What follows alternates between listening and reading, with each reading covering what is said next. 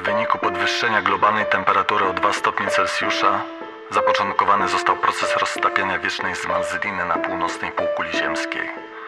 Zamknięte w niej ogromne ilości gazów, głównie metanu, w sposób wykładniczy zaczęły uwalniać się do atmosfery, przyczyniając się do katastrofalnego ogrzewania powierzchni Ziemi. Dodatkowo ocieplone z powodu emisji dwutlenku węgla oceany podnosiły swoją temperaturę skokowo. Metan uwolniony z wiecznych zmarzlin Syberii oraz Kanady zwiększył nie tylko temperaturę, ale również poziom oceanów, topiąc lód i lodowce Arktyki i Antarktydy. Woda zaczęła zalewać coraz większe połacie terenów nizinnych na wszystkich kontynentach. Energia zgromadzona w oceanach w wyniku ich wieloletniego podgrzewania została uwolniona w postaci dynamicznych i gwałtownych, niespotykanych w historii zjawisk atmosferycznych.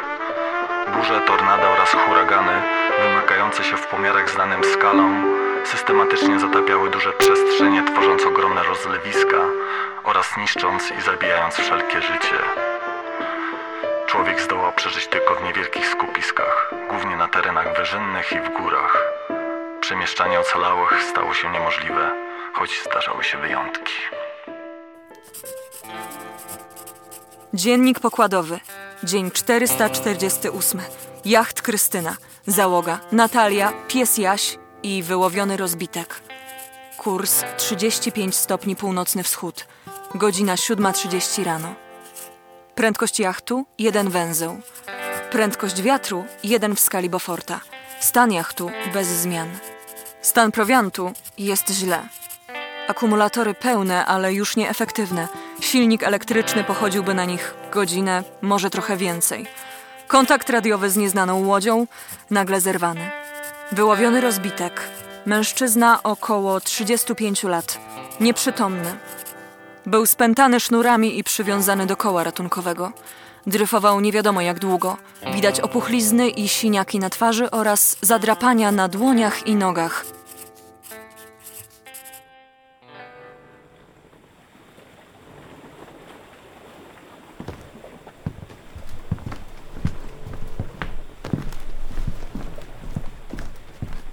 Gdzie ja jestem? Dobrze się czujesz? Czyja to łódka? Moja, masz. Napij się. Wystarczy. Dziękuję. Co się stało? Nie pamiętam. Nic? Nie wiem. Koło ratunkowe pamiętasz. Tak. Co się stało? Mogę jeszcze wody? Masz. Kim jesteś? Na razie ty odpowiadasz na pytania. Mów, co się stało. Nie pamiętam. Słuchaj, jak nie zaczniesz mówić, to zaraz możesz wrócić do wody. Zaraz. Chwila. No, Moment. mów. Niepotrzebny mi pasażer na gapę. Masz fart, że cię wyciągnęłam z wody. Jest mi obojętne, co z tobą będzie, kiedy znów w niej wylądujesz. Mogę jeszcze trochę wody? Dostaniesz, jak zaczniesz mówić. Jak masz na imię? Nie twój interes. Jestem Grzegorz. Przykro mi. Dlaczego byłeś przywiązany do koła? Nie wiem. Byłem nieprzytomny. Ocknąłem się na chwilę, gdy byłem już w wodzie. A potem nic nie pamiętam. A skąd te siniaki? Pewnie od koła albo w coś uderzyłem. Co ty pieprzysz? Nie pamiętam, naprawdę. A te otarcia? Nie wiem. Wywalę cię zaraz za burtę. Możesz mnie rozwiązać? Nie. Dlaczego mnie związałaś? Nic nie pamiętasz, ale wiesz, że związałam ci ręce? Poproszę jeszcze o wodę. Nie. Dobra, daj mi tylko odetchnąć. Jak się nazywa piesek? Jaś. No mów. Pogłaskałbym cię, ale twoja pani Nie jestem jego panią. to nie twój pies. Nie ma czegoś takiego jak pani czy pan psa. Jesteśmy razem od dawna. Opiekuję się nim, a on mną. Bardzo ładny. Od lat nie widziałem psa. Kto to jest Piotrek i co to za łódka, z którą rozmawiał przez radio? Skąd wiesz? Słuchaj, nie wiem o co chodzi i mam ciebie już dość. Piotrek jest. To człowiek z osady, Łysa Góra. Jest. On założył to miejsce i kieruje tam wszystkim. Dlaczego nie chcieli ze mną rozmawiać przez radio? Nie wiem, ale mogę się domyślać. Że co? No bo to oni wyrzucili mnie do wody. Dlaczego? Za coś, czego nie zrobiłem. Rozwiążesz mnie? Nie, mów dalej. To wymyślił Piotrek i Rada Osady. Taki dekalog powinności i kar dla wszystkich. Dekalog? No, taki regulamin osady, prawo, co można, a czego nie można robić i jakie są kary za nieprzestrzeganie reguł. Co zrobiłeś? Nic, Nie denerwuj mnie. naprawdę nic. Posądzono mnie niesłusznie o kradzież jedzenia. Jak? A tak, y, paragraf trzeci chyba. Kradzież jedzenia karana jest wyrzuceniem z osady lub śmiercią. Kradłeś? Nie, Mów prawdę. nie zrobiłem tego. Po co? Ludzie wprawdzie są tam trochę niedożywieni, ale bez przesady, da się wyżyć. Rozwiąż mnie proszę, mam już dość. A te sińce? Mówię ci, jestem niewinny. Broniłem się. Nie dali mi nawet możliwości, żeby wytłumaczyć, powiedzieć swoją wersję, prawdziwą. Jaką? Rozwiąż mnie, proszę. Dawaj.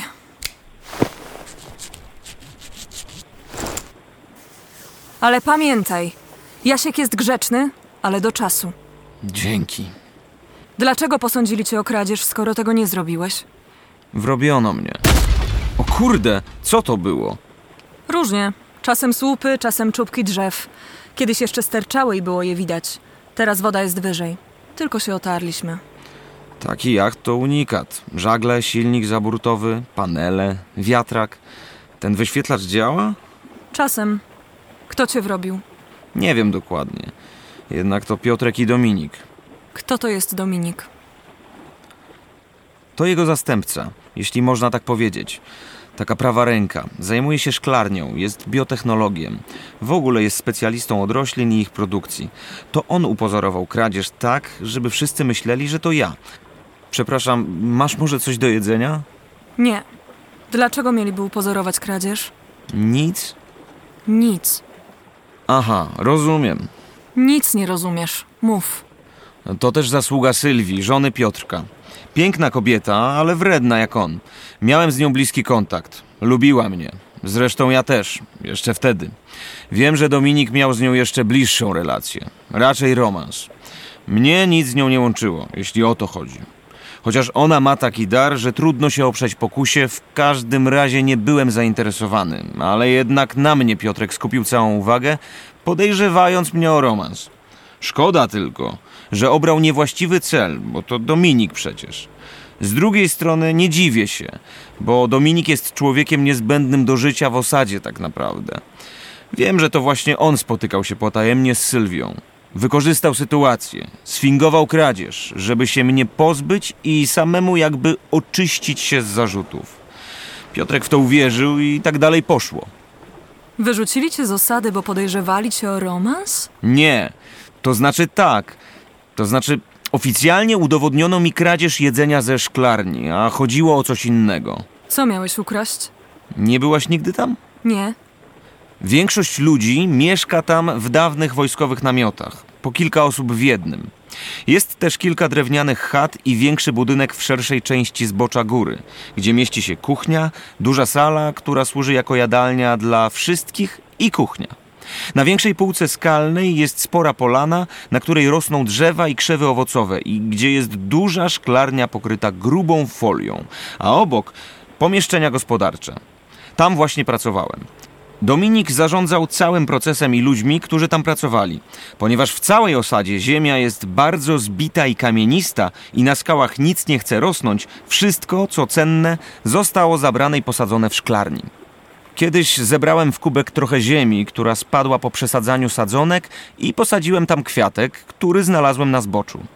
Gdy Dominik się o tym dowiedział, kazał mi zwrócić ziemię. Powiedziałem mu, że niewiele to zmieni i dałem kubek z kwiatem Sylwii. Ona się bardzo ucieszyła, a on wpadł w furię. Mieliśmy ze sobą dobre relacje, ale od tamtej pory wszystko się zmieniło. Byłem posądzany, że źle pracuję i niszczę sadzonki i zbiory, co było kompletną nieprawdą. Sylwia często przychodziła do szklarni i dużo ze sobą rozmawialiśmy.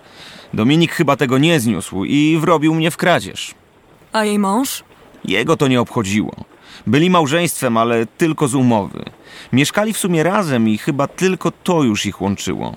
Zresztą Piotrek miał swoje znajome, żeby tak powiedzieć, jednak chodziło o jego pozycję w osadzie i ogólne zaufanie ludzi do niego. Dlatego sprawiał pozory, że nad wszystkim panuje, że rodzina i tak dalej. Jak wrobili cię w kradzież? Na wieczornej kolacji w jadalni ogłosił, że ze szklarni zginęły dwa pomidory. Uwierzysz? I co dalej? No co? Ogólne poruszenie, krzyki i tak dalej.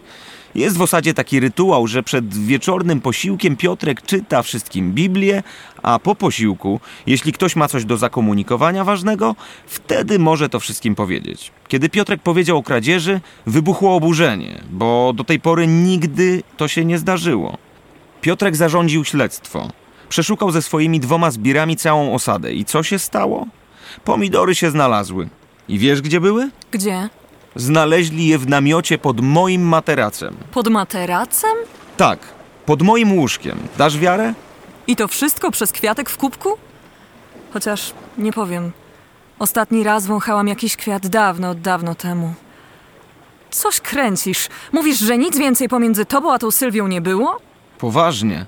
Wiesz, że to niewielka osada. Raptem kilkadziesiąt osób, może setka. Czasem przypływają jakieś łodzie z osady na Łysicy. Poza tym nic się nie dzieje. W każdym razie, niewiele jest zajęć poza tym, co najważniejsze. Bywają pojedyncze przypadki, kiedy pary się mieszają, ale nie. Z Sylwią nic mnie nie łączyło poza przyjaźnią. Raz tylko poszedłem z nią na krótki spacer. Nic się nie wydarzyło. I co teraz? Nie wiem. Nie możesz tam wrócić i wyjaśnić wszystkiego? Na Łysą Górę? Wykluczone. Ja tam właśnie płynę. Po co? To moja sprawa. Nie mogę tam wrócić, zabiją mnie! Takie zasady. Przykro mi.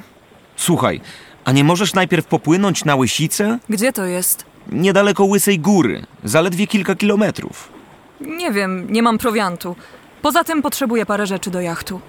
Ale to jest naprawdę niedaleko, z Łysej Góry w zasięgu wzroku praktycznie. Znam tylko orientacyjny kurs na Łysą Górę. I tak nie wiem, czy prawdziwy. Oba wzgórza są widoczne z daleka. Czasem widać światła. Możemy kierować się na Łysą Górę i potem odbić na Łysicę, gdy będą w zasięgu wzroku. Możemy tak zrobić? Proszę. Zobaczymy jeszcze. Co ja bym dała za kanapkę z pomidorem? Na Łysicy powinni je mieć. Pani... Natalia. Żeglarka Natalia, która uratowała mi tyłek. Raczej podziękuj Jasiowi. To on ciebie wypatrzył.